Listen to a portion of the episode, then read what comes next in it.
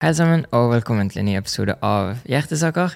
Eh, veldig hyggelig, for dette blir den andre episoden, og vi skal snakke med Sydney Haugen. Eh, kan si at jeg hadde litt tekniske problemer, eh, kan man si. Eller jeg, jeg, glemte et minnekort i Bergen, altså nå er jeg i Oslo, da. Og eh, jeg skulle egentlig lansere en episode med Ruben Oddekalv, som er leder i Miljøvernforbundet i dag, men siden jeg glemte det SIM-kortet i Bergen, så får det bare vente til jeg en eller annen gang skal tilbake. Um, men så har jeg jo spilt inn flere episoder, så alt bra. Det blir en episode i dag, og det er jeg veldig glad for. Og det som nevnt med Sydney Haugen. Og Sydney, eller Sid, som jeg kaller han, er da uh, Har vært en av mine beste venner um, når det kommer til Eller egentlig generelt i livet, faktisk. Um, fordi vi har blitt kjent via um, vi kan kalle det liksom aktivismemiljø, eller miljø for å ta vare på natur og dyr spesielt, egentlig. Um, og vi har blant annet bodd sammen. Um, Sydney har også sittet i styret uh, til World Saving Hustle, som er en av de organisasjonene jeg har startet. og han satt i styret der i to år, så liksom fra det startet, egentlig. Så vi har jobbet mye sammen og vært mye sammen, trent mye sammen, uh, hørt mye på musikk sammen og alt sånn. Men dette er nå noen år siden, da. Så det var veldig veldig hyggelig å liksom kunne sitte seg ned igjen med Sid og snakke mye om livet, egentlig, og mer om hvor all denne drivkraften kommer fra. da. For jeg ser på Sidney som en av de mest engasjerte menneskene når det kommer til det å eh, jobbe for liksom, natur og dyrevern, og spesielt havet akkurat nå, da, eh, så kaller han oss på en måte Havmannen, som vi kommer inn på eh, etter hvert i episoden. Eh, så ja, så jeg inviterte egentlig bare Sydney hjem til meg her i Oslo, hvor vi bare sitter, chiller her i denne sofaen som vi sitter i akkurat nå, og snakker masse om livet og hvor denne drivkraften kommer fra. da. Så går vi inn på veldig mange ulike av de hjertesakene som Sydney brenner for. da. Og dette er nok ikke siste gangen meg og Sydney kommer til å snakke sammen, tenker jeg. Så hvis du har noen spørsmål eh, til Sydney eller til meg som du ønsker at jeg kan spørre Sydney seinere, så er det bare å gi en lyd. Men eh, ja, og Sydney er også veldig åpen for at folk tar direkte kontakt med han, eh, så det er bare å gjøre det siden jeg har hatt veldig mange forskjellige roller når det kommer til det å ta vare på verden. da. Um, han har vært innom som sagt World Saving Hustle, uh, Sea Shepherd, uh, Direct Action Everywhere. Og dette er det stedet han fortsatt er aktiv, egentlig. Og hin dagen så var vi på Miljødirektoratet sammen på en konferanse hvor vi snakket om sjøgress. Um, ja, egentlig ganske mye forskjellig. Så da tenker jeg vi bare hopper rett inn i episoden. Her er episoden sammen med meg og Sydney Haugen. Er du klar? Jeg er klar. nice. Tusen takk, Sydney, for at du har lyst til å være her med meg i dag. Bare hyggelig. Gøy. Um, ja, som jeg akkurat har sagt i introen, sikkert, så har vi kjent hverandre ganske lenge, egentlig. Men husk, husker du hvordan vi ble kjent? Ja. Gjør du? Uh, fordi jeg studerte i Bergen, Mhm. Uh, på NLA Høgskolen, uh, for å bli musikkpedagog, tror jeg uttrykket er. Det er et fancy, fancy ord. Uh, og så gikk jeg i klasse med noen som hadde en venninne som var veganer og også studerte musikk. da. Og så var hun sånn Du må møte venninna mi. Dere begge driver med musikk. Dere er begge veganere. Det er basically samme person. Mm. så, eh, og så møttes vi, og så eh, var en sånn Ja, har du lyst til å uh, møtes til uka? Jeg bare Ja, jeg kan tirsdag og torsdag. Mm. Og så var hun sånn Ja, tirsdag så skal jeg på noe sånn aktivismegreier. Og så var jeg sånn Ok, så da er det torsdag, da. Og så var hun sånn Du har ikke lyst til å bli med? Jeg bare Jeg, jeg aner jo ikke hva dette er. Uh, og så tar hun meg med, og så er jo du der. På, på tirsdag. Jeg har glemt hvilken når dette var, men det, det var en tirsdag i hvert fall. Damn. Var det sånn Cube of Truth? eh, Ja. Var det vi gjorde? Mm. Ja. Damn. Ok, så hvor um, Ok, for da, jeg har lyst til å spole tilbake til liksom hvor dette startet for deg. og sånn. For liksom nå er jo du en av de jeg kjenner, føler jeg, som er liksom mest engasjert. Uh, og liksom Man kan vel kalle deg fulltidsaktivist, liksom? Ja. Ja. Det er lov. Ja. Så liksom, hvor, hvor kom alt det fra? Um, Ja, ja, når startet det? Hvordan? ja det um, Når jeg uh, begynte på ungdomsskolen, eh, så starta jeg å henge med folk som hørte mye på rockemusikk, da. Okay. Uh, og så var det et spesielt band som heter Rise Against, som Mm. Jeg tror at de er veganere, og, og de er veldig sånn conscious om menneskerettighetsproblemer og miljø og dyrevern og sånne ting. Og sangene handler om sånne ting, da, så jeg blei liksom veldig bevisst på det med klima og miljø. Eh, og så har det på en måte alltid ligget der, da, at jeg er sånn Ok, vi, vi er helt fucked, liksom. Vi må, vi må gjøre noe helt siden ungdomsskolen. Eh, så har jeg liksom tenkt at ingenting annet kommer til å ha noe å si om vi ikke gjør noe for å redde planeten, på en måte. Da er det liksom, da er det kjørt uansett. Og så eh, spilte jeg i band på videregående. Og så spilte vi inn en eh, EP på Aktivitetshuset Volt, tror jeg det heter. Som er en del av eh, kulturtilbudet på Lørenskog. Mm. Uh, og utenfor så var det en, en kafé som også var del av, av, en, av kultursenteret. Og hun som eide den, hadde akkurat blitt veganer, eller hun som var sjef der, hadde akkurat blitt veganer. Og veldig sånn Kanskje på sukker og, og alt mulig, ikke sant? Hun, og hun er ennå liksom sånn veldig interessert i hvordan å gjøre ting bedre, da. Eh, og så hadde de bytta ut all brusen. Eh, og så husker jeg at vokalisten i bandet gikk bort til kafeen og bare 'Hei, har du cola?' Og så sa han, han bak eh, kassa bare 'Nei, men jeg har denne her Wow No Cow sjokolademelka'. Oi, ja. det var liksom en sånn liten sånn Oatly-greie. ja. De er søte. Eh, og så kommer, kommer hun nyfrelste veganeren inn, da. og og uh, vi er bare sånn Hva er dette for noe tull, liksom?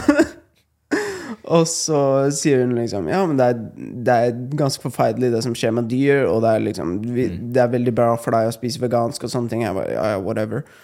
Uh, og så sa hun men dessuten så er det også veldig bra for miljøet å spise plantebasert og drikke mer Oatly istedenfor Coca-Cola, da, for eksempel. Mm.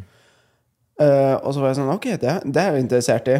Uh, og så sa hun ja, du burde gå og se på Cowspiracy. Eh, Og så når jeg dør hjem, så så jeg på Cowspiracy. Og så var jeg sånn Ok, dette, dette er kanskje litt uh, Litt viktigere enn jeg trodde. Eh, og da, når jeg flytta for meg selv, så tenkte jeg ja, ja, det, det er ikke Jeg kan jo ikke dø om jeg er veganer i en uke. Mm. Så la meg bare prøve å, prøve å være veganer i en uke, og så se hva som skjer.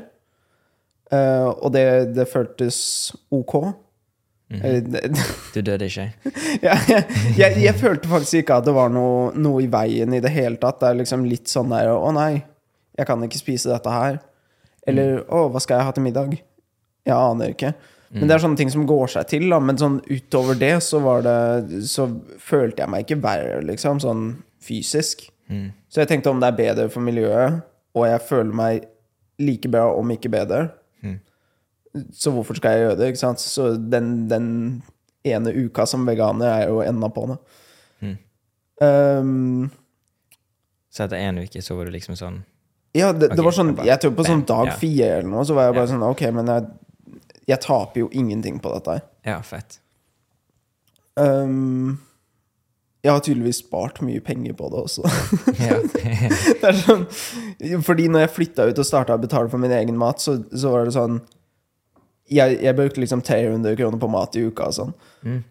Og alle andre er sånn Ja, jeg har ikke råd til mat. Det, det koster jo 1000 kroner i uka. Og sånn. Jeg bare Hæ, hva er det dere spiser? Mm. Jeg skjønner ikke. Kan du gi et eksempel på det? For jeg tror mange fortsatt tror at det er liksom ganske dyrt å være veganer og sånn. Ja, jeg, altså når jeg eh, studerte, så var det liksom eh, Det er en sånn indisk linsegryte som heter dal, Mm. som bare er linser, liksom. Ja. Og det er sykt billig. Mm. Uh, og det er sånne ting jeg spiser nå også. Er sånn en hel sånn uh, pose med bønner på to kilo Mm. kan koste under 100 kroner- Mm. Og bønnene de vokser jo også når du bløtlegger de og koker de. Mm. Eh, Så det er ganske mye næring. Det er, jeg vil kanskje si at en to kilo pose er kanskje 20 porsjoner med mat for 100 kroner. Heftig. Du må jo liksom ha noe løk og hvitløk og, og køyde og sånn også, ellers, ellers så blir det veldig kjedelig. uh, men ja, så det er, det er på en måte den maten jeg kjenner, da. Så det er på en måte det er, Jeg syns at det virker stress, ja, å være sånn Fordi familien min spiser en av kjøtt, og de er sånn Ja, jeg må passe på Ikke bruk den sida av fjøla, fordi der har kylling ligget, og sånn. Mm. Jeg bare sånn Ok, Sånn, men ja. hva om vi bare liksom ikke spiser ting som forurenser kjøkkenet ditt, og sånn at du er redd for å skjære ting? Mm.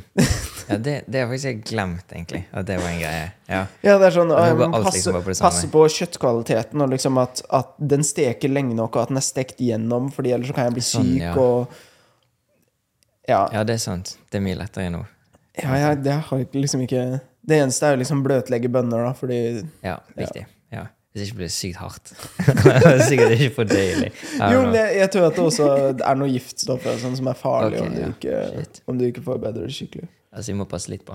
Ja. Ja. Um, Ok, hva skjer etter? ja. Så jeg blei veganer, og så møtte jeg deg.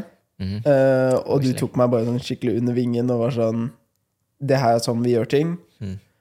Uh, og så lærte jeg jo om fast fashion gjennom Synne i VSH. Mm. Eh, og lærte om mer om klima og miljø og sånne ting. Uh, ja. Og så er det jo på en måte alltid den her klimakrisen og, og planeten vår brenner og alt det som ligger i bakgrunnen. Mm. Og så uh, snakka du en del om liksom hva er det beste man kan gjøre. Mm. Og at man alltid skal liksom gjøre det beste og ja, sånn type filosofi, da. Mm. Jeg har jo ikke lyst til å bruke masse tid på aktivisme jeg ikke synes er effektiv, eller ikke får noe ut av selv. Mm. Uh, og så så jeg mer på hva det er som egentlig er feil, Mm. og hvordan vi løser det. Og så har jeg endt opp med å liksom være havduden, da. Ja. Jeg tror noen sa det til meg en gang, sånn ja. Du, jeg, jeg snakka med Martin, jeg hørte at du er havduden. Ja. Ja, så eh, Det har vært mye, mye hav, da. Og så spesielt haier også syns jeg er veldig interessant, fordi de har eksistert så lenge. Mm. Det var haier på planeten før det var trær.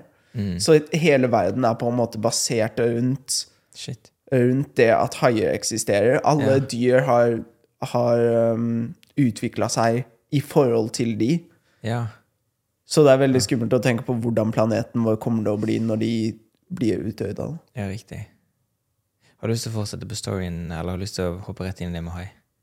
Uh, Jeg- jeg veit jeg- ikke jeg om det er noe mer i storyen, egentlig. Kan, kanskje, kanskje vi snakke litt om når vi bodde sammen og Jeg, jeg husker veldig godt i, i 2019, jeg tror det var mars 2019, Ok. Ja. Jeg var på jobbsøking i Bergen. Mm -hmm. uh, og så satt vi på Espresso House og jobba. Mm. Uh, og jeg bare satt og gjorde min greie, og du satt og gjorde din greie. Og så plutselig så bare tar du tak i skulderen min, og, og liksom Jeg veit ikke hva du holdt på med. Det var sånn som om du nesten holdt på å gråte. Oi. Ja. Og så var det sånn 'Vi har fått støtte!' Og jeg bare 'Ok, hva betyr det?' Ah. Og så var det sånn 'Har du lyst til å komme til Bergen og jobbe med meg?' Ja. Ja, det var gøy. Det var flaks at jeg satt ved siden av han. Ja. Ellers hadde du sikkert spurt noen andre. Nei, nei, for husker vi jeg, jeg tror vi snakket om det i Oslo en eller annen gang. At jeg tror jeg sa på kødd en eller annen gang sånn Ja, ja, om vi får støtte, så kan vi bare bo på kontoret sammen, eller noen sånne greier. ja, det er, det er jo det som skjedde. Ja, og så skjedde det, liksom. Det var helt sykt. Ja. Så gøy. Ikke, altså nå, Ja. nå, er, nå er det en liten stund siden det har skjedd, så nå føler jeg jeg kan snakke litt mer åpent om det. For jeg pleier alltid å si at vi ah, ikke jeg Altså, vi bodde jo basically på kontoret. Ja, ja, ja. ja. ikke Du, det er, det er ikke noe å legge skjul på engang. Det, det Nei, bygget er jo sikkert det jeg vet noe da, men, Ja, sikkert. Kanskje det. men det var liksom Vi hadde en sånn uh, pull-out couch Mm. som vi begge så på. Og så hadde vi et kjøleskap ved siden av. Vi hadde en kokeplate også, oppå, Ja. oppå et skap. Shit. Og så hadde vi sånn gardin så vi kunne liksom stenge for og Ja. ja. Uh, og så uh, Ja, så dusja vi på Sats. så det var liksom rutinen. Våkne på sofaen på kontoret. Der på Sats. Dusje, Trene og så dusje. Mm. Komme tilbake, og så bare sitte og høsle. Mm. Hele tiden. Ja. Shit. Ja, for det var jo basically som vi bygget opp World Saving Hustle, egentlig. ja. Så ja. Og så kom 2020, eller kanskje det var slutten av 2019. Vi Ja. flytta til eh, villaen. Mm. Det var også en interessant tid. Ja, veldig. Veldig. Ja, da flyttet vi inn i Altså, vi hadde jo det første kontoret, var det, det vi snakket om akkurat nå. Og så flyttet vi inn i en sånn villa, og den villaen var liksom ehm, Altså, vi tenkte om vi kunne ha litt sånn aktivistkollektiv måte å bo sammen, men også ha kontor. Uh, sånn at vi kunne betale både Altså at vi individer betalte for å bo der, men at vi også kunne betale litt fra VSH for å ha kontordelen. Um, som for så vidt funket greit. Uh, og det var en sånn gammel villa der liksom generalene i Altså Ja, det hadde jeg helt glemt. Det var sånn nazivilla. Ja, det var det det var, liksom. det er sykt, egentlig. Det er ganske kult at det gikk liksom fra å være nazivilla til å være liksom det motsatte, da. Veldig. Ja. Ja, Shit.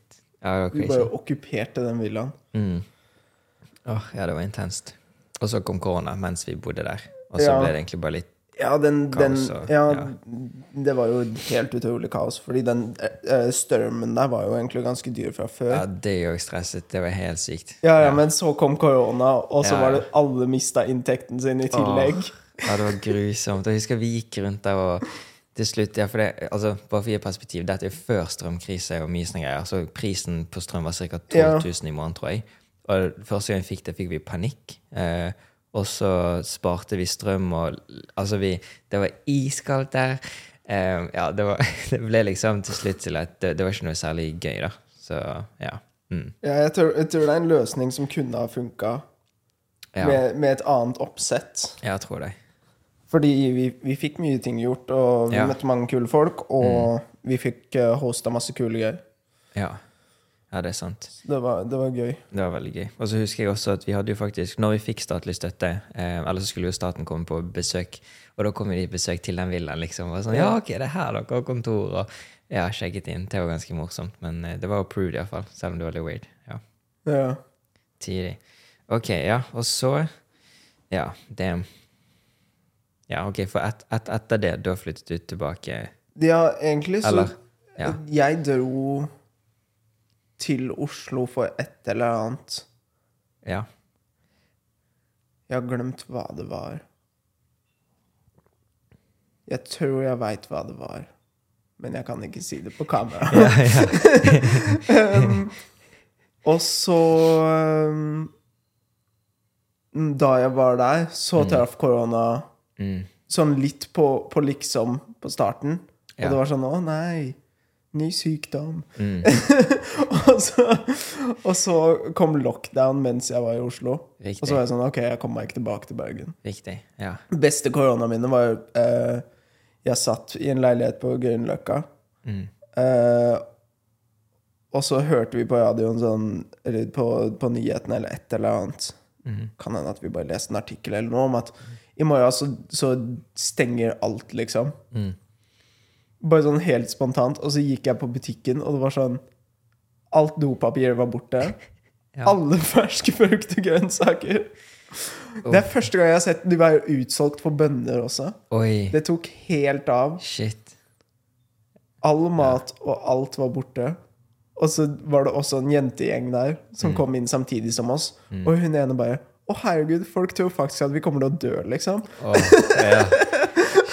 Og jeg har så lyst til å liksom vite hva hun tenker nå. Ja, Nå som liksom det blei ganske alvorlig. da ja. Fordi vi trodde Ja. at det liksom var sånn Å, dette er bare en uke, og så er det Ja, over. ja, ja. Veldig. Oh, Det det er som sånn vi snakker om det ennå, liksom. Ja, true, true. Nei, det er heftig. Jeg husker vårt, vårt minne fra inne i villaen. Når det skjedde, så satt vi der hele gjengen i stuen, tok på TV-en, og det, det var sånn doomsday-feeling, liksom. Det var helt sykt.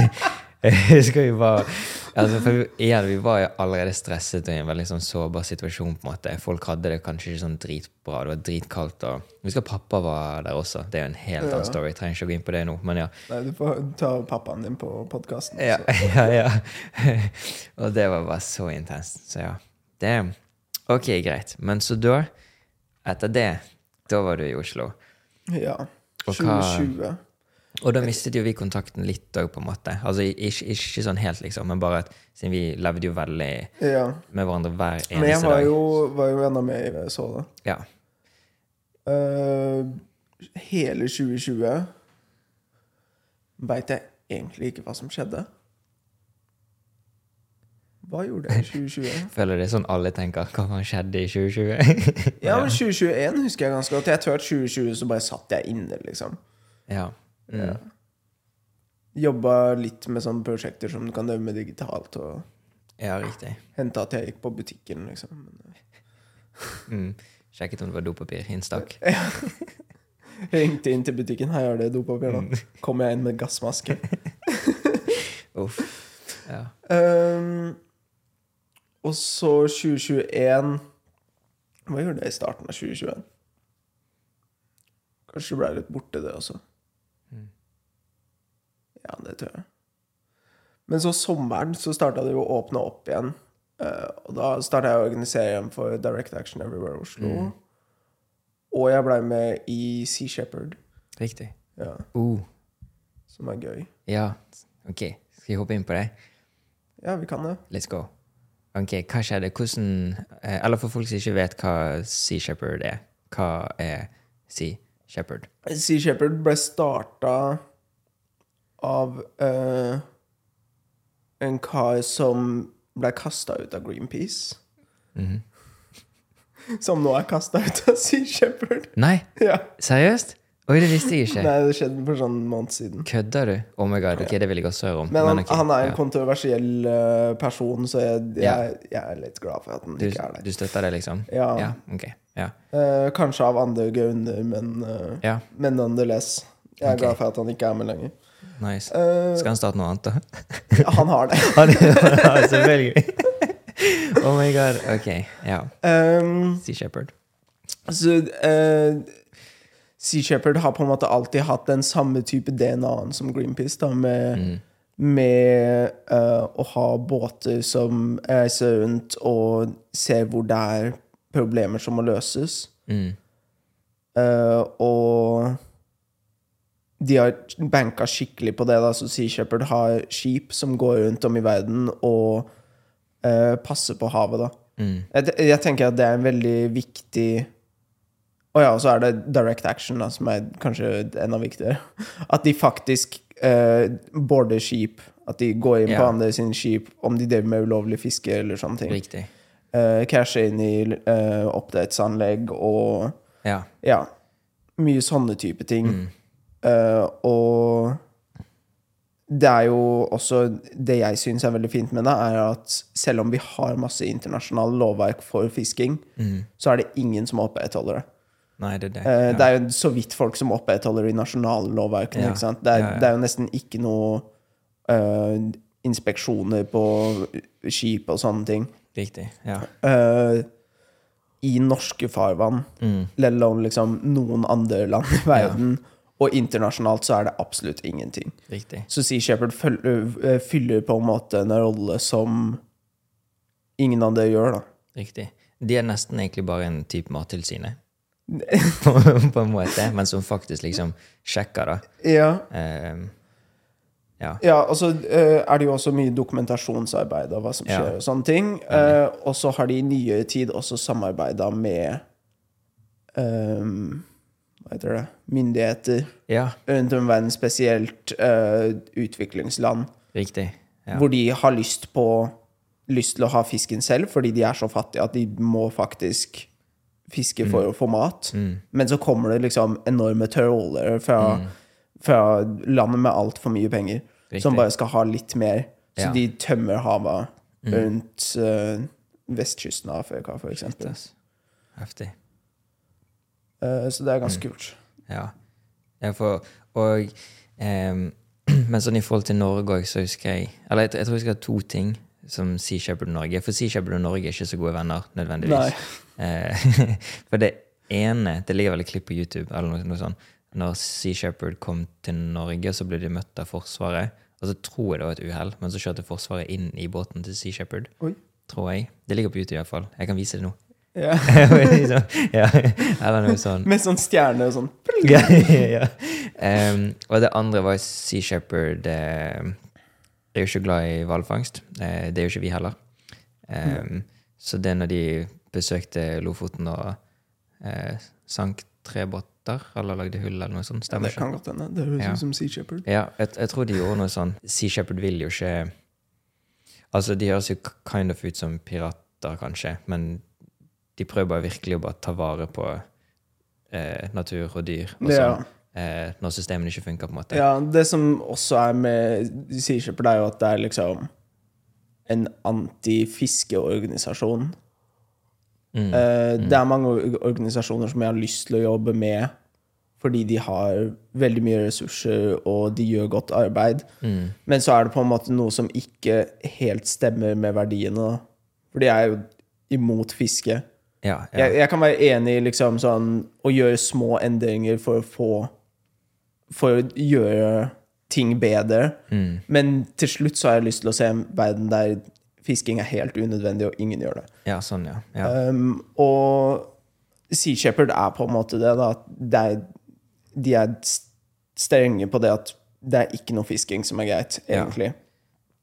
Uh, og om man ser på organisasjoner som WWF, for eksempel, som gjør Ja. veldig bra arbeid, Mm. uh, og jeg bruker rapportene deres kjempemasse, og Mm. de gjør veldig bra arbeid for haier også. Mm. s- så er det på en måte noe med det å, å sitte og anbefale visse fisketyper fordi det er liksom mer bærekraftig eller sånne ting. Det, det er på en måte ikke noe jeg klarer å stille meg bak. Jeg skjønner. Ja. Men jeg skjønner strat sånn strategisk hvor ja, det kommer fra. Ja. ja, same, same. Jeg deler veldig like tanker der, egentlig. Um, ja. Hvordan var du involvert med Sea Shepherd? Sier- når man er havverne, så er liksom Sea Shepherd er alltid noen man har uh, en, en varierende del respekt for. Veldig, Noen, ja. noen har, har litt mer respekt for Sea Shepherd sitt arbeid enn andre, men jeg tror at de, Mm. De aller fleste som er engasjert i havvern, har liksom et, et eller annet positivt forhold til det, da. Ja, ja. Uh, og for meg så var det liksom sånn Jeg, jeg har jævlig lyst til å bli med i Sea Shepherd. Uh, og jeg har alltid liksom sett på det som det store målet mitt i livet, liksom. Mm. Eh, ja, som, som om det liksom skulle være end result, da. Uh, så jeg tenkte alltid sånn når jeg skal pensjonere meg, når jeg ikke har lyst til å drive med liksom andre kampanjer lenger, Mhm. så skal jeg bare liksom bli med Sea Shepherd, og skal jeg bare bli på båten for alltid. Mm. Uh, Nice. og så pensjonerte jeg meg tydeligvis litt tidligere enn jeg, enn jeg hadde planlagt. Heftig. Fordi i fjor Jeg, jeg har liksom alltid snakka veldig varmt om Sea Shepherd, da. Mm. Og, og jeg er jo kjent som havduden. Mm. Så eh, en felles venn av oss, Samuel, Ja. ble med med Sea Shepherd fordi han ble referert av noen andre igjen. Mm. Sea Shepherd er veldig sånn Du blir enten referert Mm. av noen du kjenner, okay. eller så um, må du betale Jeg tror det er en 1000 kroner for en søknad. Ok, ja. Eh, og i dagens økonomi så er ikke det noe jeg hadde lyst til å bruke penger på. Yeah. Så eh, jeg, jeg tenkte å vente litt, da. Men så ble jeg anbefalt av Samuel til å, til å bli med på kampanjen i Færøyene. Riktig. Eh, og så var jeg sånn Eller ja. Ja. og så ble jeg med. Én måned på Færøyene med Sea Shepherd. Og hva gjorde du? Uh, Eller jeg- hva skjer der? Ja, det som skjer på Færøyene, er at de driver med noe som heter grindadarap. Mm. Uh, som eh, Grind er jo en Det er jo det den heter på norsk også. eh, en type delfin Ja. som er veldig eh, typisk for eh, den nordlige halvkula. Mm. Eh, de, de finnes i Norge, de finnes i Færøyene. Mm. Jeg veit at Japan også fanger noen. Oi. Eh, Norge driver ikke og fanger de, da, for Nei. reference. Nei. Eh, men Ja, så det, det er en såkalt drive hunt. Jeg veit ikke hva det norske ordet for det er. Mm. Men det er at man eh, på en eller annen måte skyver eh, delfinene inn i en bukt. Mm. eh, og dytter de litt opp på land, sånn at man kan eh, Ikke opp på land, da, men på, på grunt vann, sånn at Ja. man kan Det de gjør i Færøyene, er at de fester en uh, krok -hmm. i pustehullet, Mm. og drar de opp. Og det, det er en forbedra metode, da skal det sies, fordi før så brukte de en skarp krok Ja. som går inn i spekket på delfinen. Ja. Så det er bedre at de, de tar en det, det er en krok med en ball på seg, liksom. Det er, ikke, sånn, ja. det er, okay. det er forma som en krok, men Ja, den er ikke skarp. Okay, ja. Så den bare blir lagt inn i pustehullet, og så drar de den opp. Mm -hmm. uh, og så bruker de uh, Ja, jeg har glemt det færøyske navnet på det, men det er, det er en slags et slags spyd Mm. som de eh, setter oppå hodet, eller liksom hodet og nakken, sånn anatomiske forhold til mennesker, eh, og skyver den ned gjennom en ring. Så det er på en måte sånn du får et veldig godt sikte, da, og så presser du ned den ned på et håndtak. Ja. Eh, og da skal det kutte ehm, Sånn alle nervene som du har langs ryggraden, da. Eh, ja, og så skjærer de opp eh, nakken for å eh, få blodet til å tømmes ut, sånn at de dør. Mm. Eh, og det er liksom sånn de gjør det der. Jeg veit at i Japan så bruker de et nett mellom masse båter. Mm. Uh, ja. Mm. Uh, og det, det de gjør for å få de inn i bukta i ferjene, er at de uh, har, ma har masse lyd bak de. Mm. Så motorer, og så har de noen sånne jernører som de kan putte nedi, og banke på de og sånne ting. Mm. Uh, og det er egentlig liksom det det er, da, i veldig generelle trekk. Ja. Det, det er mye annet vi også ser på. Ja. Uh, og det er jo også forskjellige arter. Mm. Uh, ja. Men det er én type art de dreper? Nei, Gründerdrap er på en måte det de er kjent for, da. Ja, ok, men det er Eh, mer? Ja, Uh, og når jeg var der nå i år, så var det uh, historiens største tumledrap. Som tumle er da det norske ordet på Ikke tomler. Tomle er, er det norske ordet for det vi kaller ballnose dolphins på engelsk. Ok. Eh, det er den arten som flipper er, blant annet. Som en film eller noe som jeg ikke har sett? Ja. sikkert? Eller? Du får ikke noe bilde når Nei. jeg sier bottlenose. Nei. nei. Okay. Jeg kan vise bildet her, da. Så kan dere Ja, se. jeg, kan, jeg kan vise deg bildet nå også. Nei, skal vi se samtidig. Eh, tomle Eller for de som hører på, de Dere, dere får Ja, sjekke beskrivelsen. Men dere veit hva FlipRide er, som hører på. Ja, det vet dere sikkert. Ja. Absolutt alle sammen. Eh, en sånn her, det er liksom veldig sånn akvariumsdelfin. da. Ja, så. Det er de der som, som liksom er sånn på, på SeaWorld, som liksom Ja. går på Ja. halen og har sånn ball på snuta og Oi. Ja. Så de ble misbrukt av ikke bare SeaWorld, men de ble drept i feriene? ja det, er, det er ikke noe som er veldig typisk, da. Ok. Uh, og det- i min teori Ja. er Fordi Oi. Vanligvis så er, så er um, Når de har drept tumler i historisk perspektiv, Mhm. Så har det vært lenger sør på øyene.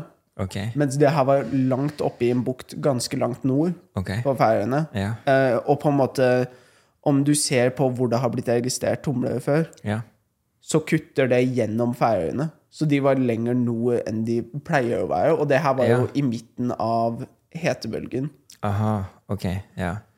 Eh, og i år har det også vært historisk Eller sånn i, i perspektiv fra hva man typisk forventer, så har det vært veldig få uh, Gründerdrap-arrangement, om man kan kalle det det. Ja. Uh, så det har um, Det er et eller annet som, som er annerledes, da. Ja. Og det Jeg tror at det er eh, At det er hetebølgen. Så ikke alt som kommer av klimaendringer, er dårlig. ja, sånn, ja. Noen ganger så, så dreper man færre delfiner pga. klimaendringer. Det er jo dritbra. uh, så det, okay. det jeg gjør da, er um, vi, vi, vi har ikke lyst til å være konfronterende. Og det er også noe jeg liker med Med den kampanjen, er at og, og jeg tror at det er kanskje felles for veldig mange Sea Shepherd-kampanjer. Det er veldig demokratisk drevet. Ja. Så i 2011, for eksempel, så eh, var Sea Shepherd der veldig konfronterende, og det likte ikke lokalbefolkningen. ja. Så de har på en måte blitt stempla som, som veldig onde. Sea Shepherd, liksom. Ja. Ja. Mm. Uh, og man bytter jo ut frivillig, og ting endrer seg. Så nå de siste to årene da jeg har vært der, så har vi fokusert bare på å uh, drive politisk arbeid. Mhm. Få kontakter på øyene, Ja. både for og imot. ja. Mm. Og, og eh, bare dokumentere, da. Ikke faktisk stoppe jakta, som man har gjort før. Ja, sånn, ja. Okay. Fordi om man prøver å stoppe den Det er ganske høye bøter, og politiet kommer alltid til å ta Ja. deg om de, om de kan. Viktig. Så det, det har hatt veldig lite effekt, da. Ja. Og men det er interessant. Så når disse drapene da skjer, da løper dere inn og dokumenterer, og lokalbefolkningen der, de er sånn Ja, det er jo greit, liksom? Eller? Ja, de, de liker jo Altså, fordi ehm, Det her kommer jo også tilbake til han som starta Sea Shepherd. Ja. Uh, som Ja. sagt, veldig kontroversiell. Ja. Uh, og han har sagt noen ganske ufine ting om folk fra Færøyene. ja, ok. Ja. Eh, Riktig, riktig. og det er kanskje en av grunnene til at jeg ikke liker han så veldig godt. Skjønner, skjønner. Eh, blant annet så har han kalt det The Ferocious Islands. Som, som er liksom Ja. Der kobler min dårlige engelsk inn. Hva betyr det? Fero ferocious er liksom barbarisk, ok, ja, skjønner. ondsinna, jævlig Så Ja, Og ja. Eh, Gerindadrapene er ikke noe som på en måte hele befolkningen stiller seg bak. Nei, det er det. Ja. mm. Det er en veldig sånn toxic kultur rundt det, at man ikke tør å snakke så veldig mye åpent om det. ja, ok. Eh, men det er flere perspektiv om gerindadrapene og hva folk synes om f.eks. å drepe andre arter, da. Ja, ok. Enn bare grinden, fordi grinden er liksom det de er vant til å drepe. Sånn, det er det som er tradisjonen, da. Eh, så om man snakker om å på andre arter, så er det faktisk bare halvparten av befolkningen som støtter det. Ja, ok. Så det er mye å vinne, men, men så blir det på en måte når man har sånne Jeg veit ikke om man skal kalle det rasistiske, men liksom sånne ting som stempler hele Færøyene som liksom én type holdning, Mm. uh, blir veldig feil. Ja. Eh, og det er, har gjort mye skade for saken. Ja, skjønner. Eh, og spesielt i vårt arbeid også, fordi når vi går ned og dokumenterer, Mm. eh, så, så blir man hakka litt på det. Ja. Det er noen, noen morsomme historier om det. Det første året Ja. så var det en som satt uh, Fordi etter at de dreper delfinene, så tar de de opp på Opp til bare en stor, flat plass. Det er jo ofte en parkeringsplass, da. Mm. Så vi sitter på parkeringsplassen med kameraer og bare følger med på hva som skjer, prøver å ta noen bilder og, og dokumentere ting som er utenom det vanlige. Mhm. Eh, og så kommer det en en fyr bort til meg med en kniv i hånda, Oi. sånn blod over hele seg, og så er han sånn Are you from uh, The Telegraph? Og så sier jeg no. Så er han sånn Are you from Sea Shepherd? Og jeg bare sånn Å, fuck. og så er jeg sånn «Uh, No. og han bare OK, good. og, så, og så bare går han. Oh my god. Så shit. det, det er liksom sånn yeah. Om, Ja. Så lenge man ikke er fra Sea Shepherd, og, Ja. og folk er liksom Det er en veldig sånn kultur som er veldig fin i Færøyene, med at man stort sett tror jeg at folk har Eller har troa på at mennesker er gode og har gode intensjoner og ikke, okay. ikke lyver og sånne ting. Ja. Så når jeg løy da, Ja. så funka det.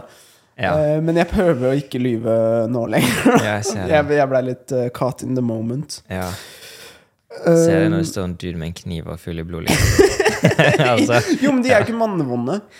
Det er, ja, det er det. Ja. ja, Mm. det er også sånn folk, folk ser disse bildene, og så tror de at på en måte Oi, det her er skikkelig aggressive folk, men de er jo helt vanlige folk som bare har en Ja. annen oppfatning av Av delfiner Ja. enn vi har, da. Ja, ja. Og det er jo ikke sånn at vi behandler fisk i Norge så veldig mye mer med respekt enn de gjør med delfinene. Mm. ja. Uh, Eller hvaler. ja.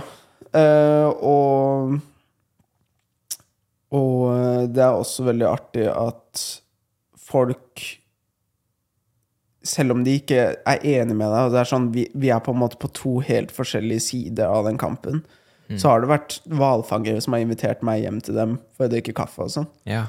Og, og det er spesielt én hvalfanger som eh, som var sånn Ja, om du kommer neste år, så kan du låne huset vårt til Airbnb og sånn. Oh han, er- god, han er skikkelig kul. Jeg ble invitert Oi. bursdagen hans og hele pakka. What? Sønnen hans er gode kamerater med meg nå. Vi What? snakker om filmer og sånn. Så Oi! det er gøy. Ok, det er faktisk kjempekoselig å høre. ja. At selv om man er Og- uenig med ja. ting, så ja. Det, det er noen av de greieste folka jeg noen gang har møtt. Det er sånn, jeg, Jeg føler meg virkelig hjemme når jeg er hos de. Det er sånn Moren til han kameraten min da, tar, Ja. er også sånn Hun snakker til meg som om vi er liksom barndomskompiser. Wow. Ja. Så ja. Og, og noen ganger så tenker jeg bare sånn Hvorfor faen gjør de dette her? Men på en annen side, altså når jeg spør dem også sånn Hvorfor gjør du egentlig dette her? Hva vinner du på det? Mm. Så er det sånn Ja, men du, du er bare et menneske, liksom. Vi har, vi har forskjellig syn på disse tinga, men vi, vi kan behandle hverandre med respekt, og Ja. du er hyggelig med oss, og vi er hyggelige med deg. Fint. Og så er det jo den andre siden, da, som er liksom Folk som genuint hater oss. Ja, ja, ja. Ja. Oh, men det tror jeg er viktig du toucher inn på. At liksom man skjønner at eh, Altså for, for å liksom depolarisere litt, liksom. ja. For sånn Det er nødvendigvis ikke bare full krangel og Nei, sånn. men ofte så er det det man ser, da. Fordi det er de Det som kommer i nyhetene, og det som er liksom drama, og det som folk har lyst til å få med seg, er liksom um, For eksempel bilen vår ble punktert, da. Ja. Eller den fikk noen um, mutter skrudd ut av dekket. Okay, Så ja. i fart så Ja. datt bare hjula av, og det kunne jo ha gått Oi, skikkelig gærent. Sånn, folk kunne faktisk ha dødd. ja, ja. Eh, det var ikke særlig kult. Altså noen av lokalbefolkningen skrudde av noen muttere fra bilen deres. Lokalbefolkning eller ikke, altså Noen der oppe. Ja. Ja. Eh, de trenger jo ikke nødvendigvis å bo der, liksom. Nei, nei. Ja, Men Ja, eh, sant. ja, det kan jo ha vært hvem som helst. riktig. Men uh, jeg tror at det er på en måte Intensjonen er tydelig, da, fordi det var Ja. spesifikt på den bilen som er kjent som liksom Sea Shepherd. Ja, sånn, ja. Uh, også når du går, går online og ser hva folk skriver om ferien, det er jo helt Mm. jævlig. Ja, Det er noen av de sykeste tingene jeg har lest om noe som helst noensinne. Finner du bare helt vanlige folk fra liksom Norge, Danmark mm. I don't know ja, Land som vi ser på som, som uh, på en måte heva over sånne ting. Da. Mm. Det er bare skikkelig brutale kommentarer om at jeg håper at alle dør i en tsunami og sånne ting. Uff. Eh, så så Ja. på en måte så forstår jeg også, når man ser det online skrevet om sitt folk, så, Mm. så skjønner jeg at, at man kanskje assosierer det med Sea Shepherd, da. Men Sea Shepherd-frivillige er jo ikke de som skriver det, på en måte. Nei, riktig. Ja, Det er bare at bildene våre blir brukt i den konteksten. jeg skjønner. Heftig. Mm. Jeg tok et veldig bra bilde på ferien også, forresten. Ja. Som ble delt av uh, Seaspiracy, blant annet. ja, er det det Ja, med delfinene som blir droppa ned. Riktig. Mm. Ok, Liten advarsel, men for de som ser på, så kan vi vise det nå. Ja, jeg er veldig stolt av det bildet. Heftig. Det var kjempegøy, fordi det var liksom Jeg, jeg sto der oppe, Ja. og så hadde de akkurat dumpa masse delfiner nedi, Ja. så det var liksom rødt. Og jeg var sånn Å, faen, vi kom for seint til å ta det bildet. Ja. Nå kommer de sikkert ikke tilbake. Og så kommer bilen opp igjen. Ja. Og så er det liksom en følelse av at Fordi vi har prøvd så lenge å dokumentere sånne ting. Ja. Og jeg tror sist gang det blei dokumentert, var det sånn ti år siden eller noe. Oi. Så det at det blei tatt liksom Jeg visste på forhånd at om vi får tak i det materiellet, så er det liksom Da har jeg gjort en god jobb. Ja. Så det var liksom sånn jeg, Mens jeg tørka inn liksom fotoknappen, så var jeg sånn Dette er historisk, liksom. Oh my god. Det var veldig kult. Uh, og det, ja, det blei jo delt eh, ganske mye. Mm. Tror vi snakker noen hundre tusen likes, liksom. Heftig. Shit. Ja, det er bra. Mm. Ok, og um, Skal vi gå inn på Eller det er jo på en måte det som skjedde der. Ja. Skal vi gå inn på noen av de andre hjertesakene dine? Uh, hai er ganske kult. Ja.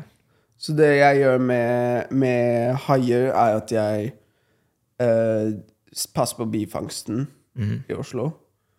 Også om noen butikker i Oslo tar en hai. Ja. Så prøver jeg også å dokumentere det, og prøve å finne ut uh, så mye som jeg kan om den haien. ja. Hva mente du med bifangst i Oslo? Eller hørte jeg feil? Nei, ja, Eller? altså, det, det er båter i, i Oslofjorden som Ja. går ut og tørråler. Ja. Ja. Og så noen ganger så får de med seg hai i, ja. i tørrålen. Og da selger de den når de kommer inn igjen. ja, de gjør det. Ja. Ja. Eh, hai er ikke lov til å fange i Norge, men som bifangst. Uh, men det er en to bestander, Mm. uh, HV-en og pigghå. Mm -hmm. uh, jeg skal sjekke opp i det seinere, sånn at Ja. jeg veit at det er riktig. Ja. Men det er i hvert fall pigghå og en til, og jeg tør at det er HV-en, Mm. som eh, blir Eller har, har blitt overfiska, da. Historisk sett så er det liksom noe folk har spist i Norge. Eh, og den blei så overfiska til slutt så måtte vi bare forby å fange den. Ja. Uh, og den skal kanskje bli lov nå å fiske igjen. Da. Oi. Ok. Så det kan bli uh, en Oh, oh. interessant kampanje. Riktig. Nå, nå finner vi den bare som bifangst. Da. Ja. Og i fjor så var den Jeg tror det var i fjor så var det en HB-en som, som havna i frøsedisken på Meny. ikke sant? Fordi det er sånn Når de får den som bifangst, så, yeah. så er butikkene sånn Hei, vi kan ta den inn. liksom Yeah. Uh, Og da kan man kjøpe seg et stykke, og så uh, teste den hos uh, Havforskningsinstituttet. Yeah. Og, eh, og finne ut ganske mye informasjon om, om den haien. Riktig. eh, som kan være nyttig i arbeidet. Ja. Og Altså, så er det også Har du gjort det, eller kommer det til å skje, eller er det bare en tanke? Nei, vi er i prosessen av å teste den HB-en fra i fjor. Da. Ok, ja, riktig. Ja. Uh, og, og hver gang jeg har sjansen, så kommer jeg til å teste. Uh, fordi man kan også finne, finne eventuelle lovbrudd. Sånn som den HB-en. Det er et slags filter du kan sette på en tråler som, som liksom renser ut det du ikke skal ha, da. Mhm. Sånn at større Fordi de tråler etter reker, stort sett. Mm. Og så kan du ha en slags sluse som da rekene går igjennom, men ikke alt annet. Ja. Sånn HB-en er jo ganske stor, Mm. eh, så den skal gå gjennom en sluse. Om den skal ta inn en reke, så skal på en måte ikke reka og HB-en samme sted. Ja. Eh, så det som Det er noen unntak for at man ikke skal bruke den slusa. Det er om man er over en viss breddegrad, fisker høyere på kloden enn en, en viss breddegrad, så er man frikjent fra å bruke det som de første par ukene du er ute og tråler. Som er liksom en helt idiotisk lov, fordi skal, skal man liksom ikke Er det sånn de første par ukene så er det ikke så farlig om du får bifangst? Ja, Det er jo liksom bifangst uansett. ja, ja. Det hadde liksom vært som å, som å ha noen fritak på en dyrevelferdslov sånn ukene ledende opp mot påske eller noe. Det er jo. Det er liksom ikke noe, ikke noe god grunn til det, som jeg ser det. Mm. Uh, og Ja, så vi, da, da kan vi prøve å finne ut om den er fanga over den breddegraden. Mm. Uh, og så kan man også finne ting som kvikksølvnivåer. Mhm. Og om kvikksølvnivåene er over det som er lov å selge i Norge, så kan vi jo forhindre at butikkene tar inn det. Sånn, ja. Ja. Uh, og når det er fanga som bifangst, så er det kanskje ikke så farlig Altså når, når haien først er fanga, så er det ikke så farlig at noen tar den inn. Mm. Men om man ikke får tjent penger på bifangst, så Mm. kanskje det er et høyere incent, eh, insentiv for å, for å ikke eh, på en måte bare la bifangsten være der, da, om du Ja, ja. ennå har en sjanse til å gjøre den. Fordi arter som, som vi har et strengere vern på, Mm. de havner aldri liksom Du finner ikke en børgde på meny, liksom. En hva? Børgde. Hva er Det en type hai. Heftig. Um, ja, selv om Og du, om du går på TikTok også, så er det liksom Norske fiskere de legger jo liksom ut all verdens ting. Ja. Uh, det er liksom sånn en gang i uka finner du liksom en video av, av at noen liksom bare uh, har en hel sånn børgde, da. Og det er liksom en, en hai på sånn type ti meter. Oi. i, I nettet, og de bare liksom Haha, gøy. Så det er, det er liksom Det er noe som er ganske kult med sosiale medier. At folk bare tenker ikke over hva de legger ut. Ja, så du sånn, ja. får så mye informasjon Ja. sånn som, er er, som folk ikke tenker på at det jeg legger ut nå, er tilgjengelig for alle. Ja, det er sant. Jeg tror jeg så en hvalfangst her også, Ja. og hvordan det, Det- skjedde. Jeg tenker også sånn med hvalfangst, så er det sånn De som driver med hvalfangst, ser jo ikke noe galt med det. ja, sant. Men når du fisker, så skal du på en måte ikke Det skal ikke være moro å få en feda art i, i garnet, på en måte. Mm. Så det å legge det ut på TikTok er liksom Jeg, Mm. jeg skjønner ikke liksom Ja. hvor, det, hvor det kommer fra. Uh, så det er det man kan gjøre med haier i Norge, da. Ja. Men du jobber mest med haier ut, Utenfor altså, Norge. Utenfor Norge liksom, egentlig. Ja.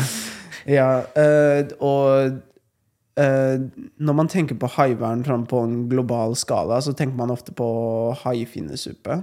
Mhm. Som er eh, en delikatesse i liksom, Kina, stort sett. Mm. Bryllup. Uh, og noen andre land, som Indonesia og Bangladesh og sånne kystnasjoner Mm. uh, i Asia. Men de største, både i eh, vekt og i fortjeneste, Mm. uh, er europeiske land. Da. Spania, Italia, Frankrike. Ok, de betaler mest for hai? Eh, Nei, de tjener mest på det. Og fanger okay. mest. Å ja. Ja, ok. Uh, med Spania er den som nummer én. Oi. Ja, det visste jeg ikke. Men de selger det til ja, Ja. Før så var det jo vanlig med noe som heter finning. Mhm. Som er når man tar opp haien, kutter av finnen, eller finnene, og så kaster man resten tilbake. Ja. Uh, og da kunne man fange en god del. Mm. Uh, eller få en god del finner opp på båten. Men så uh, det, var det noe som het Eller det ble en lov i 2013 i EU som er en såkalt fins attached-lov. Eh, Som da vil si at når du lander haien, altså det vil si når du tar den av båten og i land, eh, så må finnen være festa på haien, og du kan ikke skjære av finnen. Oi, ok. Ja. Så det var en veldig bra lov, og, og det stoppa på en måte den enorme fortjenesten fra, fra haifiske i en god stund, et par år. Mm. Eh, men det de fant ut da, er at om vi lander haien, kutter av finnen, sender det til Kina og Hongkong, er også liksom et stort sted der de tar imot masse haifinnere. Mm. Uh, om vi sender finnene dit, og så må vi bare finne ut hva vi gjør med alt kjøttet. Ja. Og da har de funnet ut at de kan sende det til hvert eneste land i hele verden utenom Kina. Oi. Fordi Kina har lyst på finnene, og så selger de kjøttet til resten av verden. Heftig. Eh, og Spania har 85 handelspartnere som de eksporterer til. Oi. Ja. Så 85 land får, får da finne fra, fra Spania. Heftig. I går så, så jeg den dokumentaren du anbefalte Mm. til meg.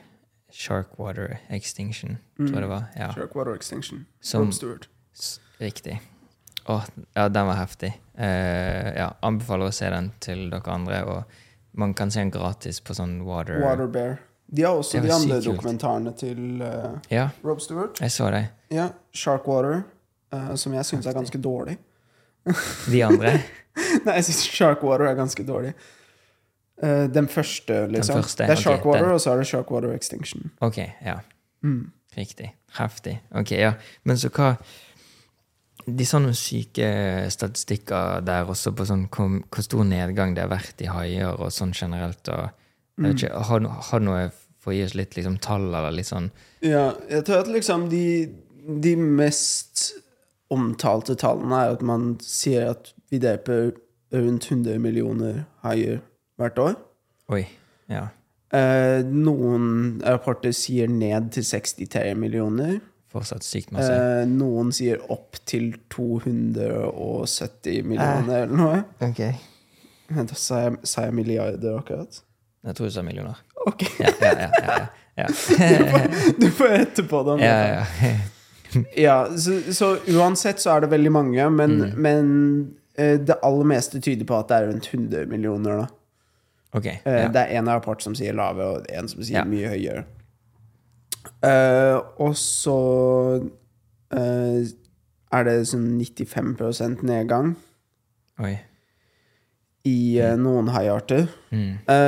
Og sånne rundt en tredjedel ses på som, som taua med utryddelse okay. Av haier. Ja.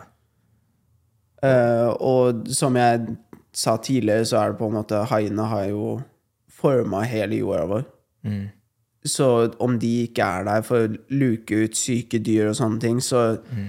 så veit vi liksom ikke helt hvordan verden kommer til å se ut. da. Ja, riktig.